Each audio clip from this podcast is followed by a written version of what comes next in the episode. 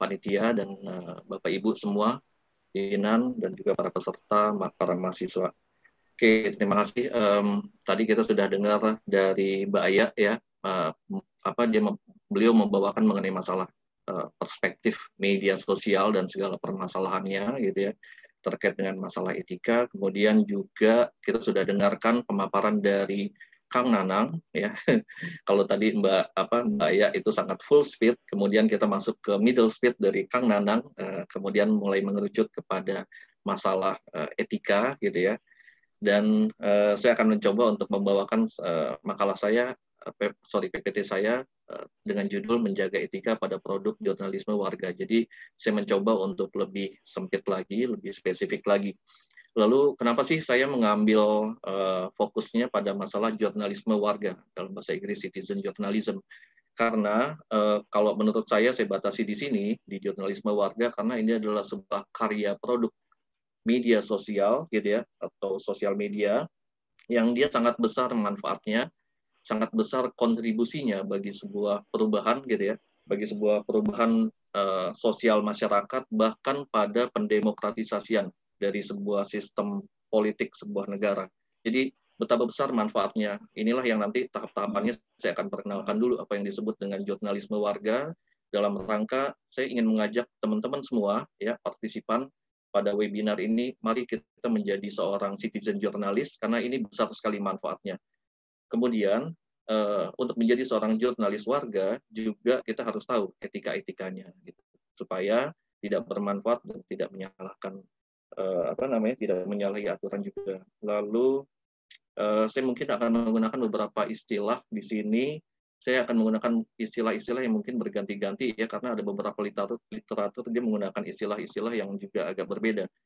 Istilahnya ada jurnalisme warga atau citizen journalist gitu ya. Ada literatur juga dia tetap ke pakai bahasa Inggris citizen journalist atau CG Kemudian ada juga yang dia pakai istilah citizen uh, reporter gitu ya, pewarta warga gitu, citizen reporter. Jadi mungkin saya akan nanti uh, mungkin kelepasan menggunakan beberapa istilah yang agak berbeda, tapi intinya itu sama, CG gitu ya. Lebih banyak saya akan menggunakan istilah CG atau citizen uh, journalist gitu. Oke, okay, uh, saya coba untuk uh, menjelaskan dulu mengenai apa sih yang disebut dengan jurnalisme warga atau citizen jurnalis. Jadi citizen jurnalis ini kalau dilihat dari uh, maraknya itu memang dengan adanya kemunculan internet ya tahun 1990-an kita mulai kenal yang namanya milis tapi memang meledaknya itu sekitar tahun 2000-an setelah bermunculan berbagai aplikasi berbagai uh, apa namanya platform sorry berbagai platform seperti Facebook kemudian Instagram kemudian ada lagi yang disebut dengan Pet dan Twitter dan sebagainya gitu ya Lalu sebenarnya apa nih yang disebut dengan jurnalisme warga gitu ya? Ada dua kata nih di sini, citizen dan journalism. Nah, kalau yang disebut dengan jurnalisme sendiri, saya yakin teman-teman sudah sering membaca gitu ya di buku-buku di literatur jurnalistik ya. Uh, jurnalistik kan itu kegiatan, jurnalisme itu ilmunya gitu. Nah, kalau di literatur jurnalistik sudah banyak sekali disebutkan pemahaman apa sebetulnya definisi jurnalistik yaitu sebuah kegiatan yang melibatkan uh, sebuah kegiatan yang dia termasuk di dalamnya adalah uh, mencari informasi, kemudian mengolah dan mendistribusikan. Jadi mendistribusikan informasi tersebut. Jadi itu disebut sebagai uh, jurnalisme gitu ya. Nah, kenapa disebut dengan jurnalisme warga? Karena kegiatan tersebut ternyata nggak cuma dilakukan oleh orang-orang yang embedded dengan media resmi gitu, tapi ternyata warga biasa seperti kita yang bahkan juga misalnya bukan seorang jurnalis itu juga bisa melakukan hal yang sama. Uh, platformnya apa? Macam-macam. Bisa YouTube kayak mau pakai Instagram Facebook gitu ya dan sebagainya. Twitter itu bisa gitu ya uh, untuk kita menjadi seorang citizen jurnalis. Jadi kalau uh, simpelnya sih kalau saya rangkum-rangkum dari beberapa literatur definisinya sih seperti ini. Uh, citizen journalist adalah keterlibatan warga dalam memberitakan sesuatu, gitu ya, tanpa memandang latar belakang pendidikan, keahlian, tapi dia mampu untuk membuat sebuah liputan, gitu ya, dengan cara dia me, dia pergi ke lapangan, kemudian dia mengolah, lalu dia melaporkan dengan mendistribusikan uh, uh, isi apa informasi tersebut kepada orang lain melalui berbagai platform. Jadi bukan cuma sekedar platformnya blog gitu ya, tapi mau macam-macam, mau pakai uh, akun, mau pakai apa namanya YouTube gitu ya. ya. Anda bisa disebut sebagai vlogger, kalau pakai blog disebut blogger gitu ya. Mau pakai Instagram juga bisa, jadi macam-macam sebetulnya. Dan sekarang sih umumnya memang berbasis internet. Kalau dulu sebetulnya sebelum muncul internet sudah ada yang disebut dengan CG juga atau citizen jurnalis. Contohnya seperti di radio. Eh, radio El Sinta menelpon salah satu pendengarnya gitu ya dan yang sedang berada di jalan tol lalu si pendengar ini kemudian uh, melaporkan bahwa di jalan tol ini terjadi kemacetan dan sebagainya gitu. Itu aja disebut sebagai citizen jurnalis betapa bermanfaatnya kita sebagai citizen jurnalis Oke, kemudian um, apa kontribusi jurnalisme warga bagi masyarakat, bangsa, negara, dan dunia? Ini sebabnya saya kemudian mencoba untuk fokus di CG ini, gitu ya, karena memang saya ingin mengajak teman-teman semua, mari kita menjadi CG, tapi tahu mengenai etika-etikanya, gitu. Nah, kontribusi CG tadi sudah disebut oleh uh, Mbak Soraya juga, seperti contohnya di kasusnya Arab Spring, gitu ya. Di kasus Arab Spring itu diktator-diktator penguasa beberapa negara di Arab ya di Timur Tengah itu bisa jatuh itu karena keterlibatan dari dari blog-blog citizen jurnalis, kemudian juga dari apa eh, media-media sosial dan sebagainya, tapi dikelola oleh citizen jurnalis. Begitu juga di Korea Selatan pernah ada seorang jenderal diktator gitu ya, dan itu bisa ditumbangkan dengan kontribusi dari sebuah blog CG yang bernama Omai News. Saya ingat banget ini Omai News ini Eh, selalu di kelas-kelas jurnalistik itu selalu dibahas gitu ya. Uh, ketika saya belajar dulu di Filipina juga sama, itu juga dibahas karena dia sangat-sangat fenomenal banget gitu. Bagaimana sebuah media sosial itu ternyata dia bisa menggerakkan masyarakat untuk menumbangkan seorang diktator dan kemudian mendemokratisasi negara tersebut. Kemudian um, misalnya juga kasusnya Bill Clinton dengan Monica Lewinsky. Bagaimana bisa tersebar gitu ya kasusnya. Mungkin teman-teman udah tahu dulu ada kasus perselingkuhan seorang presiden negara adidaya Amerika Bill Clinton dengan uh, apa uh, pembantunya gitu ya, sekretarisnya atau asistennya barangkali Monica Lewinsky. Dan uh, wartawan sudah lama tahu. Wartawan yang ada di Gedung Putih sudah lama tahu dengar rumorsnya gitu ya, tapi nggak ada yang berani nulis. Sampai salah satu uh, wartawan dari majalah Time menulis artikel tersebut setelah mendapatkan informasi dari seseorang.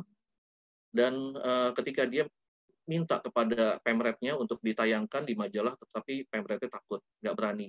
Apa yang dilakukan kemudian oleh si jurnalis, dia kemudian memberikan artikelnya kepada sebuah blog CG gitu ya, namanya Drudge Report, ya, tulisannya Drudge, ya, bacanya Drudge Report gitu. Nah kemudian ditayangkan di uh, blog tersebut, akhirnya semua orang tahu bagaimana moralitas dari seorang presiden Amerika. Gitu. Lalu ada juga misalnya nggak selalu masalah politik ya, ada juga CG yang terkait dengan masalah pelestarian lingkungan. Nah, orang-orang yang jadi aktivis di bidang lingkungan hidup umumnya sih tahu nih yang namanya CG namanya Mongebe. Mongebe ini terkenal banget. Dia bermas, bermarkas di Amerika, gitu ya, pusatnya di Amerika, tapi dia punya koresponden hampir di atau kontributor ya sebutannya, hampir di seluruh dunia, terutama di negara-negara yang dia banyak terjadi apa namanya Eh, perusakan hutan dan sebagainya gitu. Nah, termasuk ada salah satu perusahaan di Indonesia itu kemudian minta maaf karena setelah merusakkan uh, apa, daerah perkebunan di daerah Sumatera Utara dan minta maaf pada Mongebe dan kemudian dia memperbaiki uh, daerah tersebut melakukan penghijauan kembali. Perhatikan betapa luar biasanya kemanfaatan kontribusi dari uh, citizen jurnalis yang yang juga adalah sebuah media sosial. Nah, bentuknya sih, bentuknya citizen journalist atau CG ini sebenarnya seperti apa sih gitu ya? Jurnalisme warga ini salah satunya yang paling-paling sederhana hmm. yang bisa kita lakukan sebagai warga biasa adalah ketika Anda memberikan komentar pada sebuah situs berita gitu. Contoh misalnya eh, kompas.com itu di bawahnya kan ada kolom komentar. Anda memberikan komentar, kemudian Anda menjelaskan hal yang sebenarnya atau Anda tidak sependapat dengan berita tersebut, It's okay, itu adalah bentuk sederhana dari CG. Kemudian menambahkan pendapat masyarakat, sebagai bagian dari artikel yang ditulis gitu ya di blog Anda, Anda bikin masalah sederhana mengenai masalah kuliner, tapi kemudian Anda melibatkan pendapat masyarakat lokal gitu ya, bagaimana Pemda tidak mendorong uh, wisata kuliner di daerah daerah tersebut dan sebagainya gitu. Itu juga bagian dari CG. Ada lagi yang disebut dengan kolaborasi antara jurnalis profesional dan non profesional non jurnalis gitu ya untuk uh, apa sebuah materi yang dibahas kebetulan karena si non jurnalis ini dia punya pengetahuan yang spesifik. Gitu. Misalnya ada seorang jurnalis profesional mau nulis mengenai uh, masalah virus corona, tapi dia nggak gitu paham, dia bukan seorang dokter, nah dia bisa berkolaborasi dengan seorang uh, dokter gitu ya, yang dia bukan dokter ini bukan seorang jurnalis, tapi dia punya kemampuan mumpuni dalam materi tersebut. Kemudian ada lagi yang disebut dengan blog host warga. Nah, kalau yang ini yang uh, apa namanya sering teman-teman mahasiswa punya gitu, misalnya seperti blog spot, blog drive, WordPress, dan sebagainya. Lalu Newsroom Citizen Transparency Blog, blog yang disediakan oleh organisasi media sebagai usaha sebagai upaya transparansi. Kalau di Indonesia sih saya kayaknya belum lihat ya. Tapi kalau di luar negeri itu biasanya ada gitu, ya. misalnya uh, ada media-media tertentu, Washington Post dan sebagainya, itu dia biasanya menyediakan blog untuk uh, apa masyarakat mungkin memberikan komentar dan sebagainya terhadap terhadap pemberitaannya tidak atau mengkritisi dan sebagainya memberikan masukan-masukan jadi bagus sekali lalu ada lagi yang disebut dengan stand alone citizen journalism site. Itu contohnya seperti tadi ominus.com yang bermarkas di Korea tetapi dia menerima tulisan-tulisan dari berbagai penjuru uh, dunia. Termasuk saya sendiri saya pernah kirim tulisan sebanyak tiga kali gitu ya ke Ominus ini uh, terkait dengan masalah uh, kemiskinan di Indonesia. Kita kirim dalam bahasa Inggris nanti dimuat. Nah, cuma dia ini sebuah blog ya CG yang dia tidak men, tidak punya iklan, tidak mengiklankan gitu, tapi kehidupannya adalah berdasarkan dari donasi. Cuma karena berbagai uh, masalah ekonomi di tengah pandemi ini, kemudian memang mengalami penurunan agak redup pada saat ini. Lalu ada lagi yang disebut dengan stand alone citizen journalism. Jadi dia tidak melalui proses editing. Bedanya kalau O minus itu melalui proses editing, saya kirim tulisan diedit lagi gitu ya supaya nanti kalau ada salah bahasa Inggrisnya atau mungkin uh, tidak sesuai dengan pedoman etika yang ada di medianya gitu itu bisa diedit ulang gitu ya tapi kemudian uh, ada lagi yang bentuk uh, berikutnya stand alone citizen journalist tapi dia tidak melalui proses editing yaitu yang disebut dengan kompasiana.com. Nah, kalau kompasiana.com kita kirim tulisan itu termuat apa adanya, tapi uh, Kompasiana ini yang dikelola oleh wartawan Kompas gitu ya, termasuk salah satu pendirinya itu Pepi Nugraha dia melakukan seleksinya adalah dari orang yang mau jadi kontributor itu biasanya harus me mengirim fotokopi KTP, uh, eh, alamat email, kemudian apalagi itu dan uh, apa namanya nomor telepon WA dan sebagainya. Jadi jati dirinya harus kelihatan gitu. Dan kalau misalnya ternyata yang dikirim itu terlalu vulgar, terlalu apa ya, sarkastik dan sebagainya, itu bisa di take down oleh Kompasiana gitu, oleh pengelola Kompasiana. Lalu ada lagi yang uh, berbentuk gabungan stand-alone, citizen journalist website dan edisi cetak, itu juga uh, contohnya seperti National Geography Magazine. Model lain yaitu hybrid, yaitu yang profesional dan citizen journalist itu bergabung untuk satu liputan. Ya, jadi uh, inisiatifnya biasanya datang dari keduanya, bisa dari si jurnalisnya atau bisa dari citizen journalist. Jadi bukan dari medianya sendiri biasanya yang minta. Lalu ada lagi yang disebut dengan penggabungan antara jurnalis profesional dengan jurnalisme warga dalam satu atap. Ya, contohnya seperti tadi, Ominus gitu ya. Ominus itu menerima tulisan dari berbagai penjuru dunia gitu. Kemudian dia membayar. Uh, kalau yang terakhir itu sejak uh, berapa tahun yang kemarin itu karena masalah dana itu akhirnya nggak nggak tidak membayar lagi gitu ya. Tidak membayarkan honor lagi. Kemudian ada lagi model wiki seperti halnya Wikipedia. Kita posting, kemudian kita sebagai pembaca tapi kita juga sebagai editor gitu ya. Pembaca adalah juga sebagai editor. Jadi eh, pembaca itu bisa bisa mengedit gitu ya bisa merubah apa yang kita posting. Nanti ada uh, pembaca yang lain yang nanti juga akan melakukan apa koreksi lagi gitu. Kalau memang dianggap itu keliru. Nah di sini sekarang kita bicara mengenai masalah pelanggaran. Sebenarnya apa sih yang terjadi gitu pada pelanggaran-pelanggaran yang terjadi pada jurnalisme warga nggak jauh beda sebetulnya gitu ya dengan uh, pelanggaran yang ada pada jurnalisme mainstream gitu.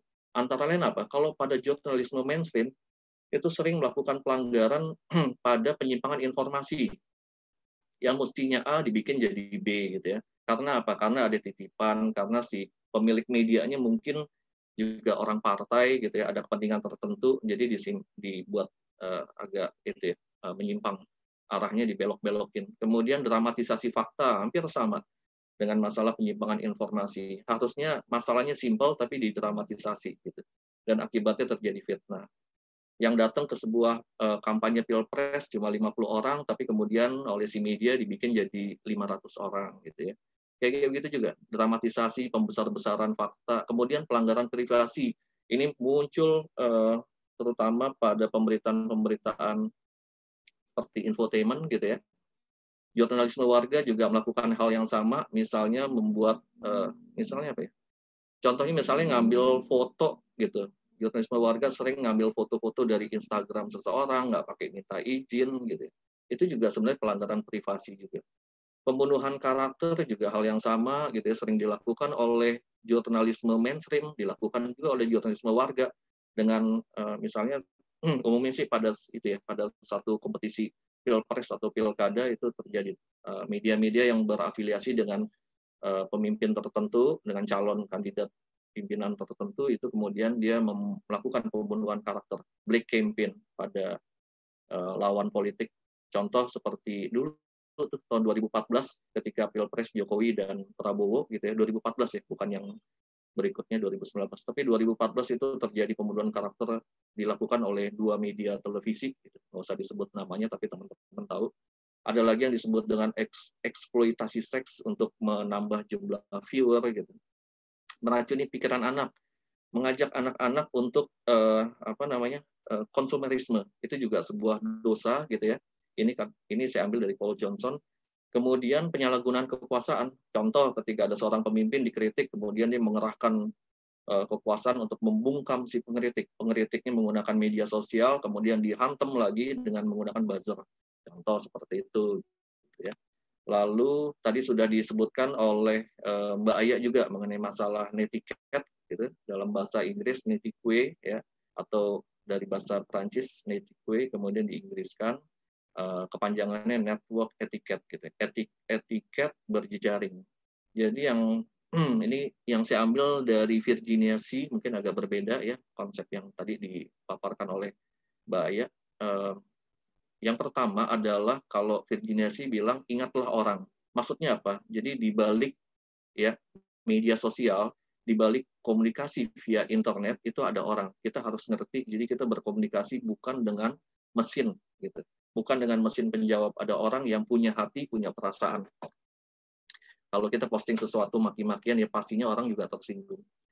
Uh, jadi jangan dianggap kita mentang-mentang misalnya kita pakai anonim namanya kita pakai nama yang lain gitu kemudian kita seenaknya ngomong itu ada orang di balik uh, media sosial tersebut yang berhadapan dengan kita kemudian yang kedua taat pada standar perilaku kehidupan nyata ini juga menurut si juga hal yang penting dalam kehidupan nyata anda berbohong salah nggak ya salah nah apalagi di uh, dunia maya gitu ya kemudian anda mencuri salah nggak ya salah gitu kalau di dunia nyata apakah kemudian mencuri di dunia cyber ini uh, salah juga? Ya sama, salah juga.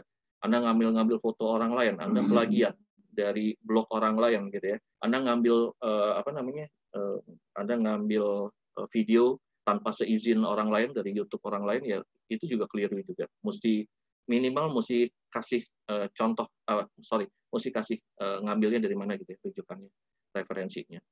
Kemudian ada lagi sadar berada di ruang siber gitu ya, sadari adanya jejak digital karena jejak digital itu seperti tato gitu. Sekali Anda posting sesuatu dan postingan itu adalah sesuatu yang aib, dia akan nempel terus di badan Anda gitu, nggak akan hilang gitu. Makanya hati-hati. Saya ambil contoh adalah salah satu uh, kandidat penantang Presiden Trump gitu ya, nggak usah disebut lah ya, ntar saya digugat. Jadi jadi dia menyebut sesuatu yang sifatnya rasis tapi itu sudah dilakukan bertahun-tahun lalu gitu. Cuma itu nggak hilang gitu. Ternyata pas dia sekarang mau menantang uh, Presiden Trump itu kemudian dicari-cari dan uh, akhirnya ketemu bahwa dia punya satu aib jejak digital yaitu dia ada ucapannya yang agak-agak rasis. Kemudian uh, hormati waktu dan bandwidth orang lain ya jadi kalau bikin satu produk karya ya ingat-ingat bahwa orang lain juga punya pulsa data yang terbatas jangan membuat sesuatu yang tidak bermanfaat. Citra diri yang baik saat beronline. Nah, ingat tuh, panggung depan, panggung belakang. Ingat Erving Goffman, teorinya Erving Goffman. Ketika Anda berada di media online, Anda di Instagram, it's okay, Anda pakai uh, apa citra yang baik uh, apa dengan sorban, dengan uh, kopiah gitu ya. Padahal sebenarnya di panggung belakang Anda nggak pernah sholat gitu. Tapi minimal ketika Anda berada di media online tampilkan yang baik gitu. Jangan menampilkan sesuatu yang buruk yang nantinya bisa uh, membuat orang-orang lain kemudian ikut-ikutan. Kemudian berbagi ilmu dan keahlian, mengontrol emosi gitu ya. Lalu juga hormati privasi netizen lain gitu. Jangan uh, terlalu apa ya istilahnya uh, saya pernah dengar istilah uh, stalker gitu ya ngikutin orang lain mengganggu privasinya nge-DM DM gitu ya direct message dan uh, kemudian posting di wall FB orang lain. Yaitu kalau postingannya baik sih nggak apa-apa tapi kalau postingannya maki-maki dan sebagainya itu juga kan nggak uh, enak negatif. Jangan menyalahgunakan kekuasaan mentang-mentang punya kuasa gitu ya kemudian mengerahkan buzzer dan sebagainya untuk mukulin salah satu netizen gitu dengan kata-kata dan kemudian bersedia memaafkan no baper tadi yang disebut oleh Kang Nanang dan Mbak Aya juga jadi uh, jangan apa namanya kita juga mesti uh, kalau kita main di dunia maya itu jangan terlalu cepat tersinggung Oke, okay. kemudian ada lagi satu istilah yang juga uh, sering merupakan sebuah aib besar dalam media sosial, termasuk pada CG, citizen journalist, yaitu istilah yang disebut dengan trolling dan flaming. Saya ambil dari bahasanya Tim O'Reilly, itu ya. Jadi apa sih yang disebut dengan trolling? Trolling itu sebetulnya seperti satu istilah ketika orang memancing, gitu ya, tapi perahunya itu lagi jalan, gitu mancing tapi perahu lagi jalan. Jadi bukan perahunya statis diam tapi kemudian dia mancing gitu ya, dia lempar pancingan tetapi perahu lagi jalan terus dengan satu kecepatan tertentu tapi kemudian dia lempar pancingan. Tapi orangnya jadi lari dari lokasi yang awal gitu ya. Dan kemudian atau juga bisa juga analoginya seperti orang lempar bom tapi kemudian dia sambil berlari gitu. Nah, itu yang disebut dengan trolling. Hal ini adalah sebuah analogi untuk uh, kasus-kasus di media sosial ketika orang melempar satu hoax gitu ya. Nah, ini yang disebut dengan hoax yang masukin di bahasan mengenai trolling ini. Orang melempar hoax kemudian sambil dianya menyembunyikan jati dirinya dan kemudian dia tiarap setelah melempar sambil dia melihat kira-kira gimana sih orang-orang uh, kerumunan gitu ya ke apa uh, betapa orang kemudian nanti akan terprovok dengan postingan-postingan dia gitu. Itu yang disebut dengan trolling dan motifnya banyak ya bisa fitnah bisa juga cuma caper cari perhatian kalau teman-teman ingat dulu kita punya ibu negara uh, ibu Ani Yudhoyono ya ibu Ani Yudhoyono ini seorang ibu negara yang baik dia senang dia hobi fotografi kemudian foto-fotonya dia sering tampilkan di, di Instagramnya. Dan uh, sayangnya banyak netizen yang suka iseng mengomentari dengan kata-kata yang nggak enak mengenai fotonya dan sebagainya. Bahkan ada kata-kata seperti begini uh, Bu Ani itu ibu lagi mengikuti 17 apa uh, lagi mengikuti upacara 17 Agustus. Kok ibu malah asik-asikan uh, foto gitu. Dan sayangnya Ibu Ani Yudhoyono ini terlalu responsif gitu. Jadi justru ditanggapi, begitu ditanggapi satu orang, netizen yang lain kemudian tiba-tiba melakukan hal yang sama, memposting gitu ya, cuma dengan harapan supaya direspon oleh Bu Ani gitu.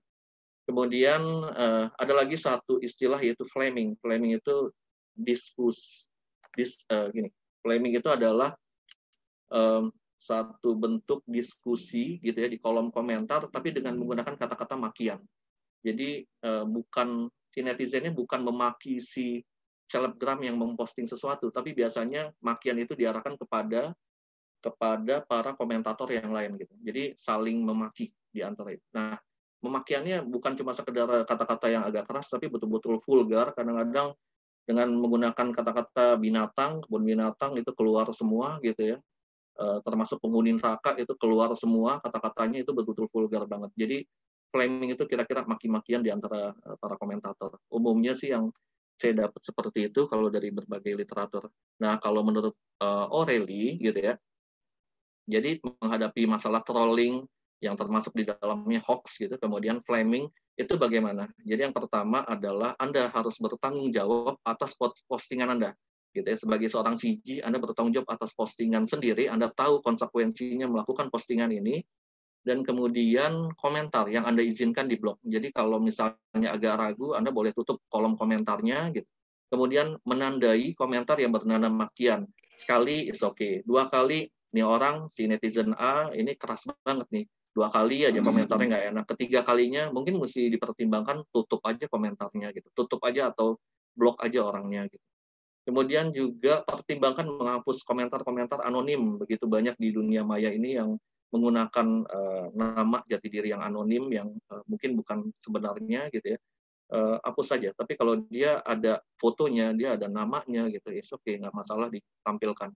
Atau berikutnya itu abaikan. Jadi uh, seperti tadi contoh Ibu Ani gitu ya, dia malah justru responsif banget ditanggapi gitu. Termasuk juga Deddy Corbuzier itu juga dia sangat responsif juga terhadap komentar dari para netizen dan pada akhirnya jadi ribut sendiri gitu. Tapi e, bisa juga Anda mengabaikan aja gitu. Nah, kemudian kalau misalnya kita kenal teman kita sendiri yang komen di Instagram kita gitu ya. Bisa bisa juga misalnya komennya nggak enak, bisa kita cari penengah, mungkin ada teman yang bisa menengahi supaya nggak terjadi keributan lebih besar dan kemudian kalau yang menggunakan yang melakukan trolling dan flaming ini adalah orang-orang yang menggunakan anonim gitu. Kalau misalnya Anda kira-kira yakin tahu siapa sih sebenarnya Anda yakin nih oh ini orangnya si ini nih gitu. Ya, diungkap aja gitu. Identitasnya e, dijamin berikutnya dia nggak akan berani lagi untuk posting sesuatu hal yang sifatnya negatif di e, akun Anda gitu ya. Lalu juga jangan mengatakan hal yang sifatnya pribadi di dunia maya. Nah, ini saya baru beberapa uh, minggu kemarin saya juga nonton sebuah video ada seorang selebriti itu yang dia bicara mengenai uh, ini mohon maaf sebelumnya dia bicara mengenai masalah aktivitas dia di ruang tidur bersama suaminya. Dia ngomong begini begini begini. Menurut saya itu absurd banget gitu. Kok masalah yang sebenarnya sangat pribadi diomongin gitu ya dan kemudian ditayangkan di YouTube. Dan akhirnya mengundang komentar-komentar negatif. Ya dia dia melakukan dan dia harusnya sadar gitu ketika dia memposting hal itu dia akan mengundang tindak apa komentar yang negatif dari orang-orang. Oke, kemudian uh, satu permasalahan juga sama seperti Mas uh, sama seperti Kang Nanang juga. Semoga ini bisa jadi sebuah pemantik gitu ya. uh, sebenarnya bisa nggak sih dibuat sebuah kode etik khusus untuk para pengguna sosial? Kita tahu kalau kode etik itu seperti misalnya untuk jurnalisme mainstream itu kan di Indonesia ada yang namanya kode etik jurnalistik yang menjadi uh, pengawas, yang menjadi pembuat dan pengawas itu adalah Dewan Pers. Gitu. Ada satu media yang melakukan pelanggaran kode etik gitu ya, itu bisa kena sanksi. Sanksinya apa? Ya sanksinya sih cuma teguran. Nggak ada sanksi badan gitu. Sanksi teguran itulah yang disebut dengan sanksi moral gitu ya. Uh, sanksi moral dari lembaga pengawas, sanksi moral dari audiensnya gitu. Nah kemudian kalau di media sosial kan media sosial nggak ada lembaganya. Yang jadi masalah gimana nih? Tapi orang-orang yang bergerak di media sosial harusnya tahu gitu mengenai masalah kode etik ini. Cuma yang akan buat siapa gitu ya, itu siapa juga yang akan uh, mengawasi gitu itu kan nggak ada. Nah kalau yang saya tahu sih seperti uh, Kompas itu membuat blog citizen jurnalis yang namanya Kompasiana, kemudian uh, Tempo kalau nggak salah dia bikin juga gitu ya blog CG namanya Politikana gitu. Itu mereka selalu melakukan uh, apa lokakarya lokakarya gitu dan kemudian melakukan uh, pen, apa literasi mengenai etika untuk media sosial, etika untuk CG gitu, citizen journalist. Uh, kalau dalam hal ini solusi yang saya tawarkan sebetulnya bagaimana misalnya dari pemerintah Kominfo itu memfasilitasi kemudian mengumpulkan berbagai uh, apa platform CG gitu ya para pengelolanya kemudian mari kita rumuskan membicarakan sebuah kode etik, tapi itu cuma mungkin berlakunya ya sekedar himbauan aja buat masyarakat gitu dan uh, tidak ada unsur pemaksa juga jadi tapi perlu untuk diketahui oleh masyarakat gitu.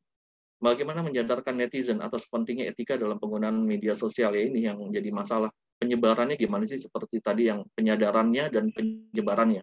Kalau penyebarannya sih saya punya solusinya ya bagaimana media-media mainstream dilibatkan untuk memberikan pelatihan-pelatihan jurnalistik dan kemudian uh, memberikan apa penjelasan mengenai atau pencerahan mengenai masalah etika gitu, mengenai masalah etika pada media sosial, etika sebagai seorang CG, citizen journalist gitu. Uh, kalau yang sudah dilakukan oleh Kompas, Jakarta Post gitu ya, uh, kemudian Tempo itu sudah banyak Republika juga melakukan hal yang sama gitu. Tapi masih banyak media-media lain yang mungkin kurang merasa bertanggung jawab untuk melakukan hal ini gitu untuk melakukan penyadaran atas uh, menyadarkan netizen pentingnya etika dalam penggunaan media sosial. Uh, terakhir teman-teman uh, sekali lagi saya ingin mengajak teman-teman semua mari kita mencoba untuk menjadi seorang citizen jurnalis dengan berbagai platform yang Anda punya. Anda punya blog, silakan gunakan.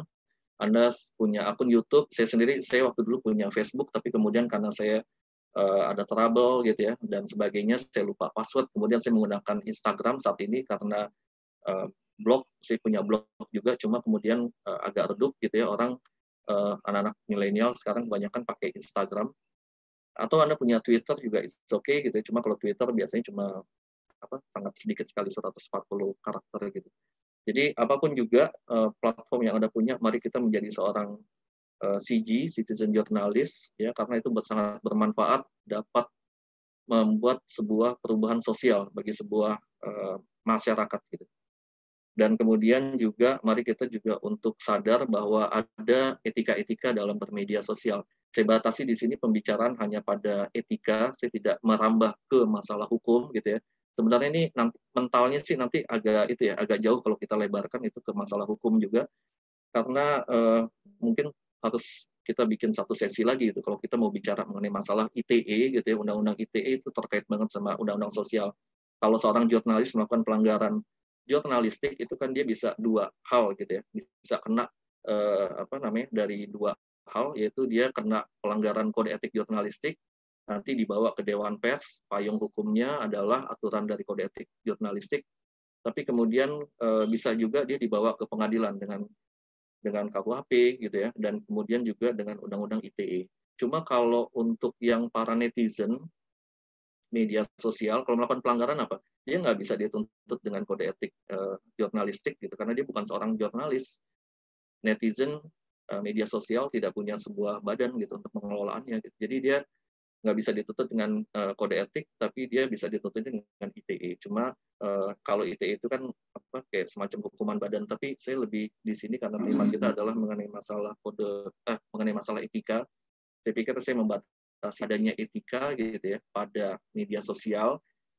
Uh, bagaimana kita mencoba untuk melakukan apa berkarya dan kemudian kita sadar ada etika-etika gitu ya pada media sosial, terutama pada CG gitu. Ya.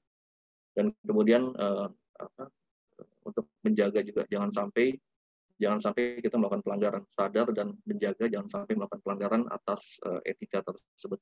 Saya pikir uh, begitu aja secara singkat ya. Saya lebih senang kalau kita bisa berdiskusi lebih banyak. Demikian uh, moderator Angga dan Bapak Ibu sekalian. Terima kasih. Terima kasih banyak pemaparannya Pak Yuri. Um, nah, itu dia pemaparan dari tiga narasumber kita. Dan sekarang kita membuka sesi tanya jawab. Bagi peserta yang ingin menanyakan pertanyaannya bisa melalui uh, via chat di Zoom yang nanti akan dipilih oleh eh, kawan-kawan uh, dari webinar hari ini. Uh, tiga pertanyaan terbaik akan mendapatkan hadiah dari kami. Nah, uh, jangan lupa pertanyaan tersebut ditujukan untuk siapa dan sebutkan nama berserta institusinya. Nih, uh, Pak Bu uh, Bu Soraya, Pak Yuri, Pak Nanang, ada pertanyaan nih Pak dari Cassandra. Tujuh kebebasan berpendapat, baik post atau komentar, harus sesuai aturan dan etika. Tapi etika itu terkadang jadi perspektif. Contoh bintang Emon, mengkritik tak sengaja, namun dengan cara melawak justru dianggap beberapa justru dianggap beberapa netizen sebagai satu tindakan yang tidak etis bagi beberapa orang, kemudian diserang. Um, begitupun kasus jurnalis atau pemilik Maxia yang mengkritik tapi malah dianggap tidak etis dan disangka seperti penyemaran nama baik.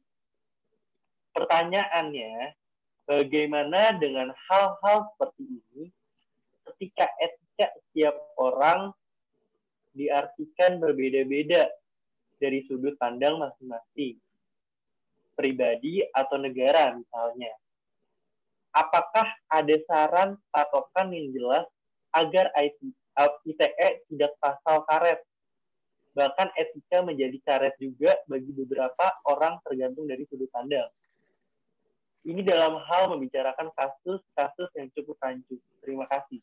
Boleh dijawab oleh siapa duluan? Ibu Sora atau Pak Yuri duluan? Dipersilakan Bu uh, Bu Soraya. Nanti saya belakangan.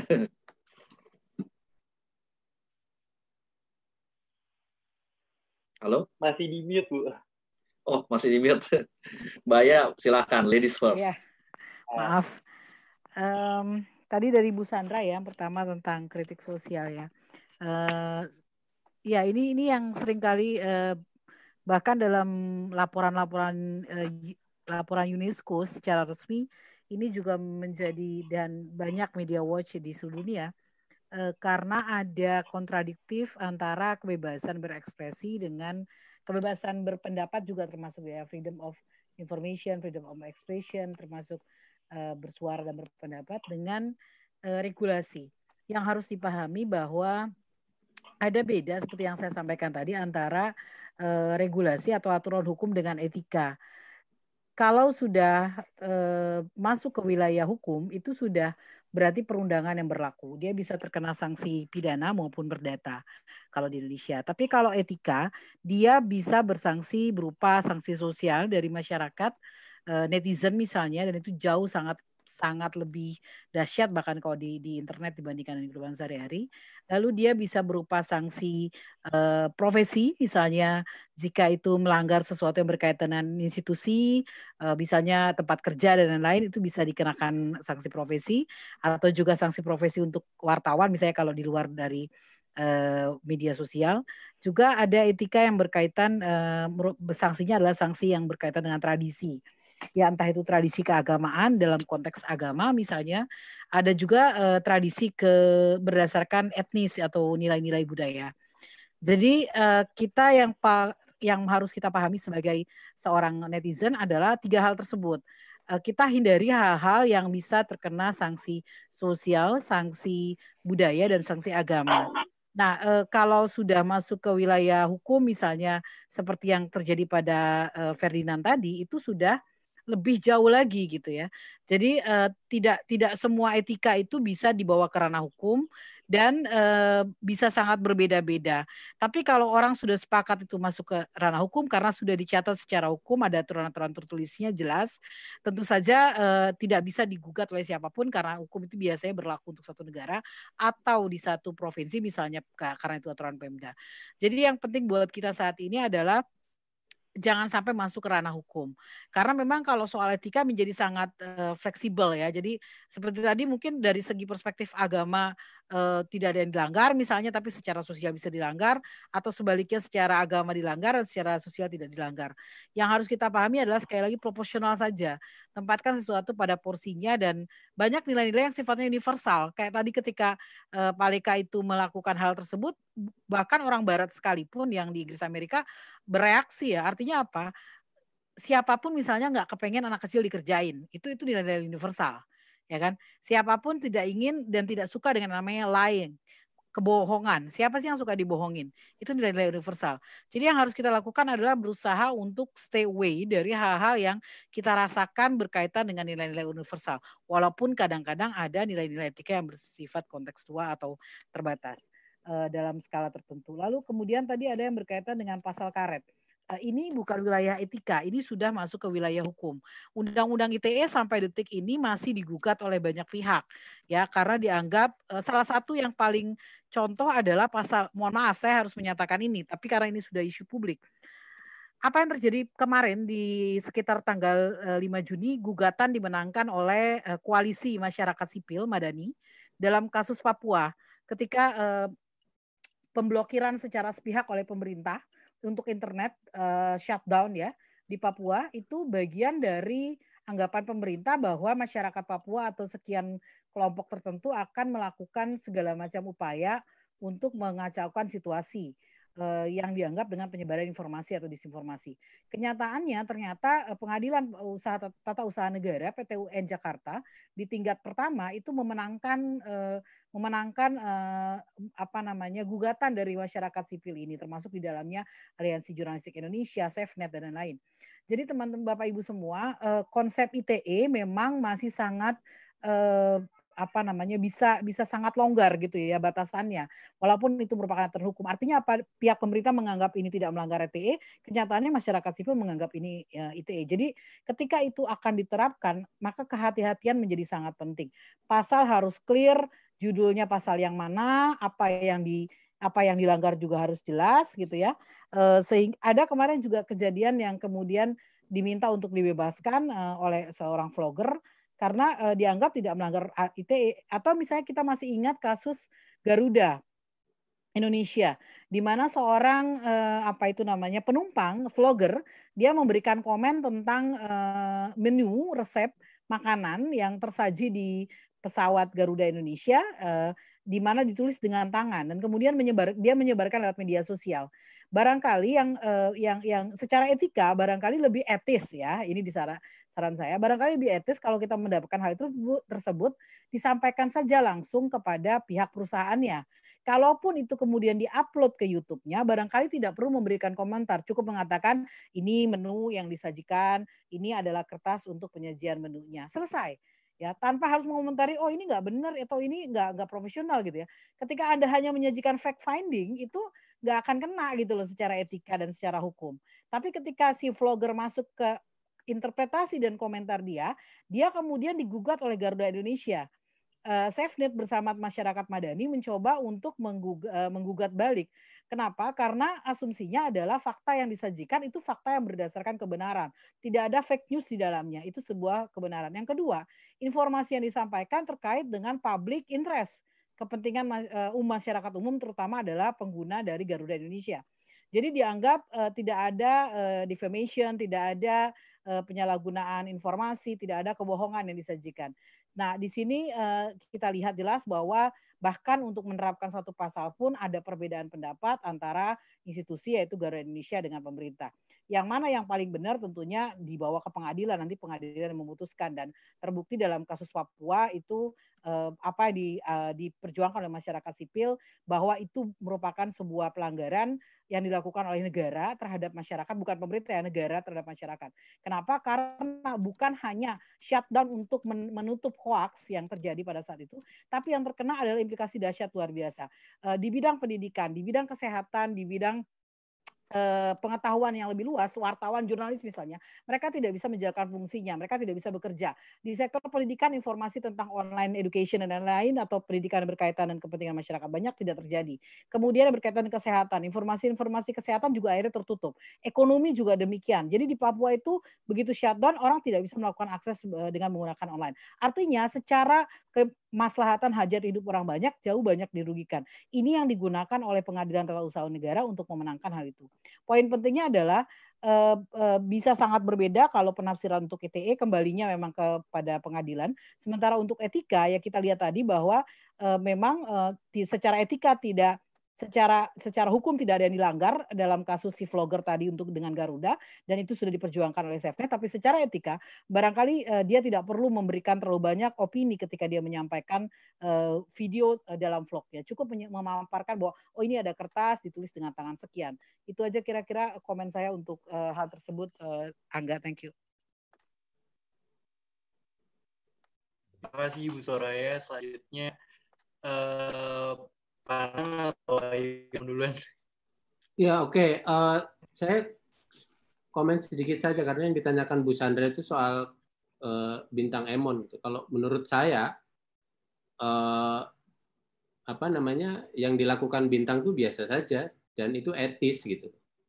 Maksud saya kalau mau saya kalau ditanya kalau ditanya agak apa namanya harus milih gitu. Itu etis atau tidak? Menurut saya etis. Setiap orang memainkan uh, perannya masing-masing dengan caranya sebagai seorang komika dia melakukan kritik sosial. Nah pesannya saya kira adalah jangan sampai karena karena isu tentang etika ini uh, sering kali tidak cukup jelas uh, uh, ambigu dalam sejumlah hal gitu. Ya karena itu memang karakter karakter percakapan tentang etika ya. Etika juga kan dibicarakan karena memang manusia memiliki secara secara fundamental memiliki ambiguitas dalam eksistensinya kan.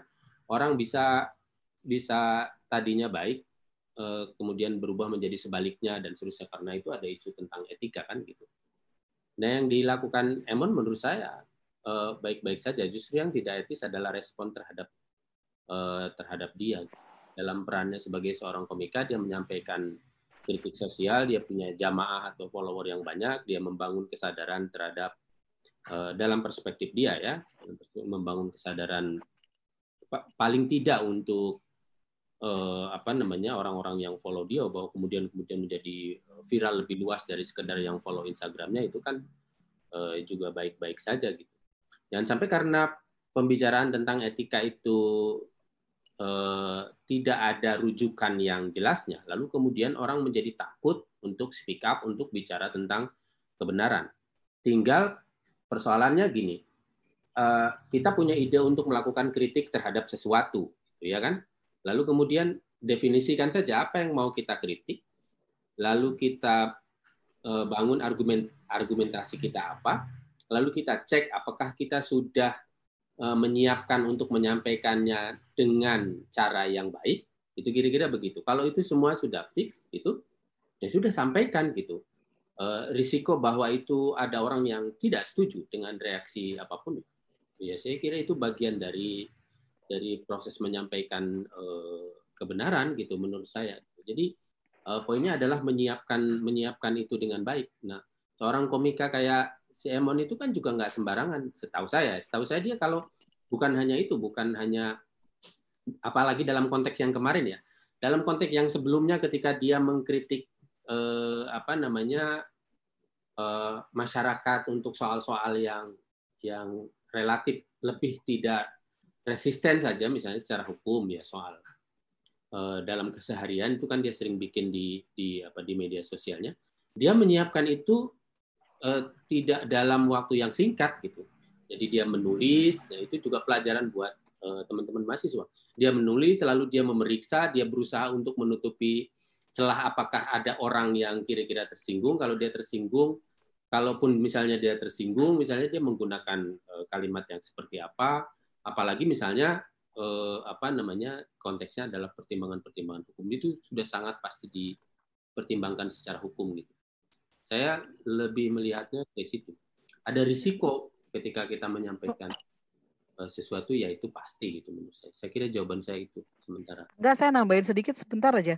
Uh, jadi terkait dengan Emon tadi uh, ada tiga hal yang saya note karena saya juga beberapa kali menonton tayangannya atau uh, ininya dia, uh, komennya dia. Yang pertama dia menulis uh, atau bicara berdasarkan fakta. Yang kedua dia bicara dengan cara yang argumentatif, jadi ada justifikasi-justifikasi walaupun disampaikan dengan joke. Yang ketiga dia bicara sesuatu yang berkaitan dengan kepentingan publik. Nah ini kalau dari segi etika nggak ada yang dilanggar selama dia menggunakan bahasa yang baik dan sopan dan walaupun terkesan lucu sebenarnya sejauh ini saya melihat dia sopan dan very smart ya cara dia memaparkan sebuah kronologis gitu ya dari uh, kritik sosialnya very smart. Jadi ada fakta, ada argumentasi yang relevan dan ada kepentingan publik yang luas. Eh, salahnya di mana gitu? Kadang-kadang memang kitanya aja yang nggak bisa harus lebih terbuka dan tidak berkuping tipis gitu. Kadang-kadang ini yang yang tidak semua orang gitu ya. Mungkin kita juga kadang-kadang mengalami atau melakukan hal tersebut. Nah, bagi pihak tertentu misalnya pemerintah atau apa juga harus terbuka.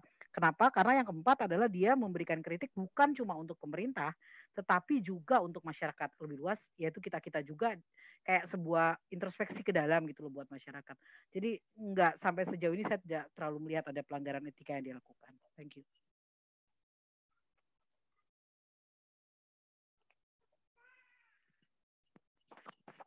Halo, Angga, terima kasih. Angga masih. Ya, boleh dilanjut lagi tadi. Uh, Ayuri mungkin. Ya. uh, Angga, Ayuri uh, boleh dilanjut. Boleh saya komen ya. Uh, tapi sebelumnya boleh, saya boleh. mau tanya dulu, uh, Mas Angga, itu yang nanya uh, siapa ya namanya? Sandra Insana Sari bukan? Iya Pak. San, ya, ya. Sandra Sandra Isana Dewi ya. Eh, Insana Sari. Sari. Oke, okay, Sandra Insana Sari ya saya tahu nih. Uh, apa? Selamat datang Sandra. Beliau uh, jurnalis dari CNN Indonesia. Apa kabar Sandra? Jadi saya mau coba ya. Ini Sandra sebenarnya udah tahu tapi ngetes. Oke, okay, uh, eh, jadi gini, kalau um, si saya balik ke media sosial gitu ya. masalah media sosial ini kan mulai agak meredup, terutama CG, CG ya, bukan media sosial lain, tapi bentuk citizen jurnalis sebenarnya agak meredup itu mulai ada penurunan sejak 2008 aktivitas dari para CG gitu ya. Kenapa menurun? Karena begitu banyaknya orang yang kemudian terkena terjerat masalah hukum gitu. Jadi akhirnya orang menjadi takut untuk menyuarakan kebenaran. Itu tadi betul seperti yang disebut oleh Kang Nanang itu sejak 2008 Kang. Mulai agak turun agak turun karena begitu banyak orang dijerat oleh undang-undang ITE gitu. Nah, eh, jadi gini, eh, kita harus membedakan sebetulnya eh, teman-teman semua uh, Bapak Ibu. Jadi antara yang disebut dengan kritik dengan fitnah itu beda gitu ya. Kritik itu seperti tadi yang disebut oleh Mbak Soraya dan Kang Nanang juga, kritik itu ketika kita menyuarakan kebenaran didukung oleh berbagai argumentasi, ada fakta gitu. Tapi kalau fitnah itu jelas, kita mau menyudutkan seseorang, nggak ada fakta gitu ya, hoax, kalau misalnya di jurnalisme mainstream itu kita nyebutnya fake news gitu tapi kalau di media sosial kita nyebutnya hoax gitu ya. Nah, uh, saya mau merujuk kepada pernyataan dari uh, seorang pakar ya jurnalistik, seorang pakar komunikasi juga, Prof. Henry Subiakto dari Erlangga. Kebenaran saya pernah hadir dalam beberapa ceramah beliau. Ini gurunya Pak Frat nih. Beliau bilang kalau yang di, bisa dituntut oleh undang-undang ITE gitu ya, atas misalnya atas tuduhan melakukan fitnah, pencemaran nama baik, labeling dan sebagainya gitu ya. Itu kalau si pelakunya itu menyebut nama gitu. Tapi kalau selama tidak menyebut nama gitu ya, tapi cuma dia hanya menyebut lembaga, itu sebenarnya bentuknya adalah kritikan gitu. Jadi uh, ini saya merujuk pada pernyataan beliau. Jadi nggak bisa gitu semena-mena menyebut ah anda telah melakukan fitnah gitu. Ada sebuah rumah sakit bilang ah, Anda telah melakukan fitnah terhadap rumah sakit uh, kami gitu karena Anda menyebarkan apa uh, tuduhan-tuduhan kami melakukan malpraktek begini-begini gitu. Kita lihat dulu. Ini sebenarnya betul fitnah atau dia punya satu argumentasi, dia punya pengalaman yang menarik dan kemudian apakah dia menyebut nama gitu. Menyebut nama, nah ini urusannya agak panjang nih gitu ya. Nah, tapi saya nggak akan berpanjang uh, berpanjang bicara mengenai masalah undang-undang ITE karena ini agak uh, apa ribet. Kita mesti buka pasal-pasal lagi gitu ya. Mesti satu sesi lagi tapi minimal itu yang kita harus yakini itu kita punya niat baik nggak. Kalau kita punya niat baik itu yang masuk dalam etika. Jadi kalau masalah etika kan lebih kepada niat dulu gitu. Tapi kalau kita bicara masalah hukum, nah ini beda. Hukum itu adalah uh, satu tindakan sanksi, ada sanksi badan. Kalau etika itu kalau kode etik jurnalistik untuk di media mainstream kan nggak ada itu nggak ada sanksi badannya. Cuma teguran kemudian sanksi moral cuma itu doang gitu. E, jadi balik lagi kepada para netizen. Sebenarnya niatnya itu apa? Niatnya apakah dia menyuarakan kebenaran memberikan kemanfaatan kepada masyarakat, memberikan pencerahan kepada masyarakat gitu ya, atau memang melakukan fitnah.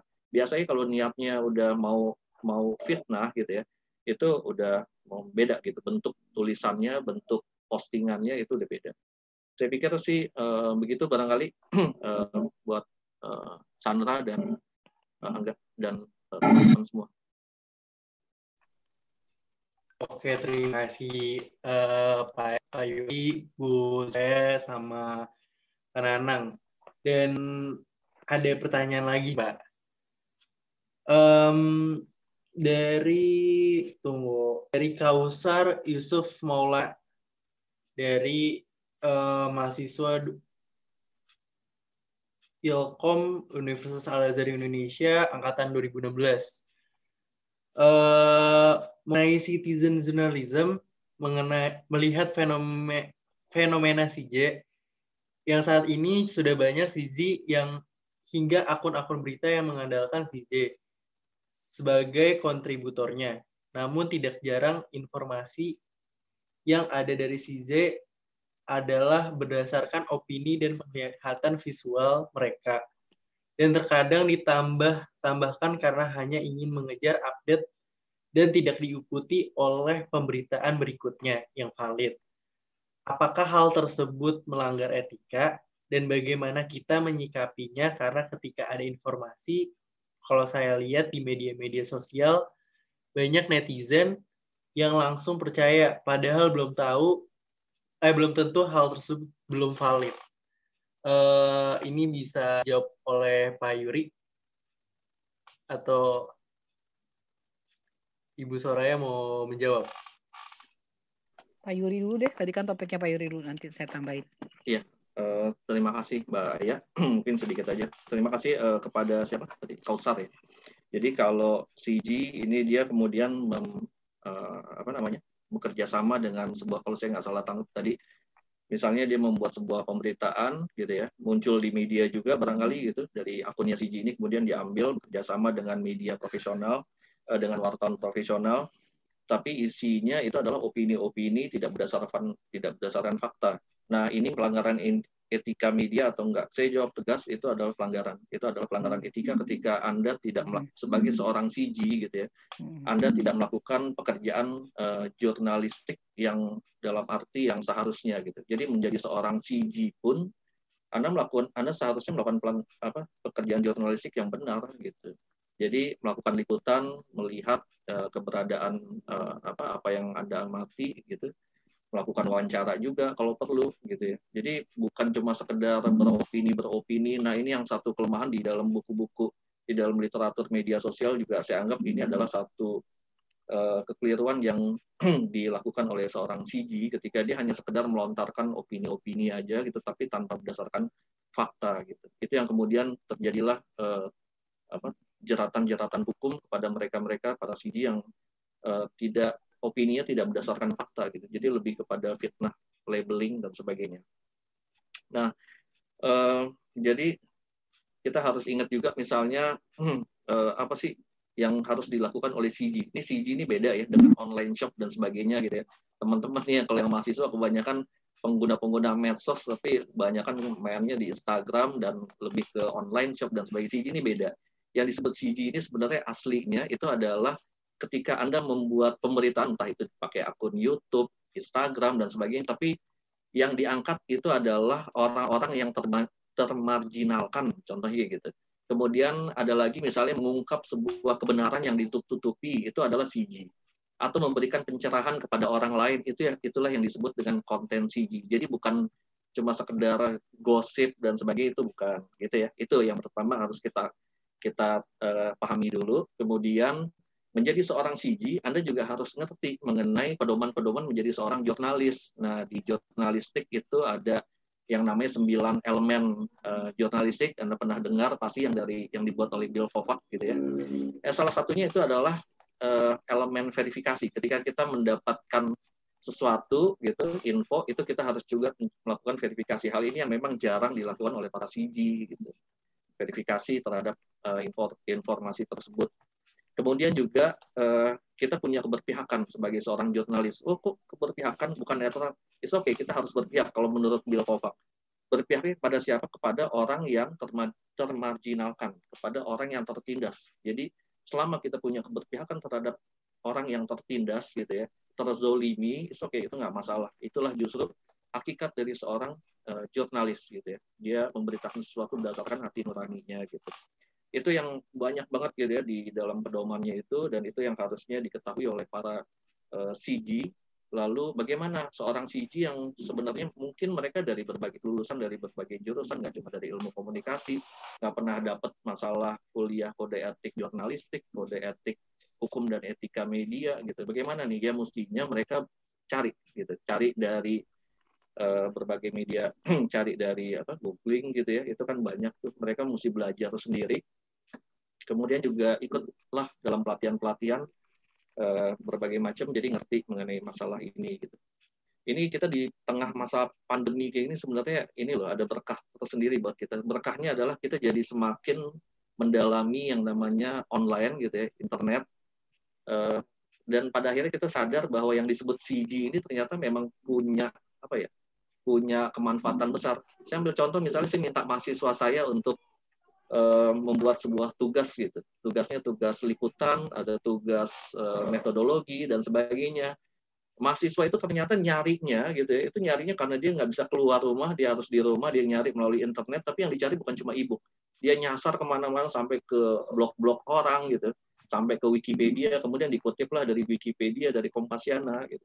Lalu ketika sudah jadi karya penelitian, karya tugasnya, saya bilang sama si mahasiswa, it's okay kamu uh, kamu baca dari Wikipedia, kamu baca dari Kompasiana dan sebagainya, tapi yang jadi masalah adalah kamu nggak bisa jadikan rujukan. Gitu. Tapi kamu cuma bisa jadikan itu sebagai jembatan penghubung pengetahuan. Kamu cari buku aslinya. Kalau misalnya dari blog seseorang, kamu kontak orangnya, wawancara langsung. Inilah juga hal-hal yang sebetulnya harus dipahami oleh seorang CG gitu ya. Menjadi seorang CG juga bukan cuma sekedar copy paste copy paste gitu. Dia harus berusaha untuk tahu uh, apa uh, kebenarannya tuh bagaimana kebenaran aslinya melakukan verifikasi. Uh, itu barangkali terima kasih. Silakan uh, Mbak Ayah dan Kang Nana silakan. Terima kasih Angga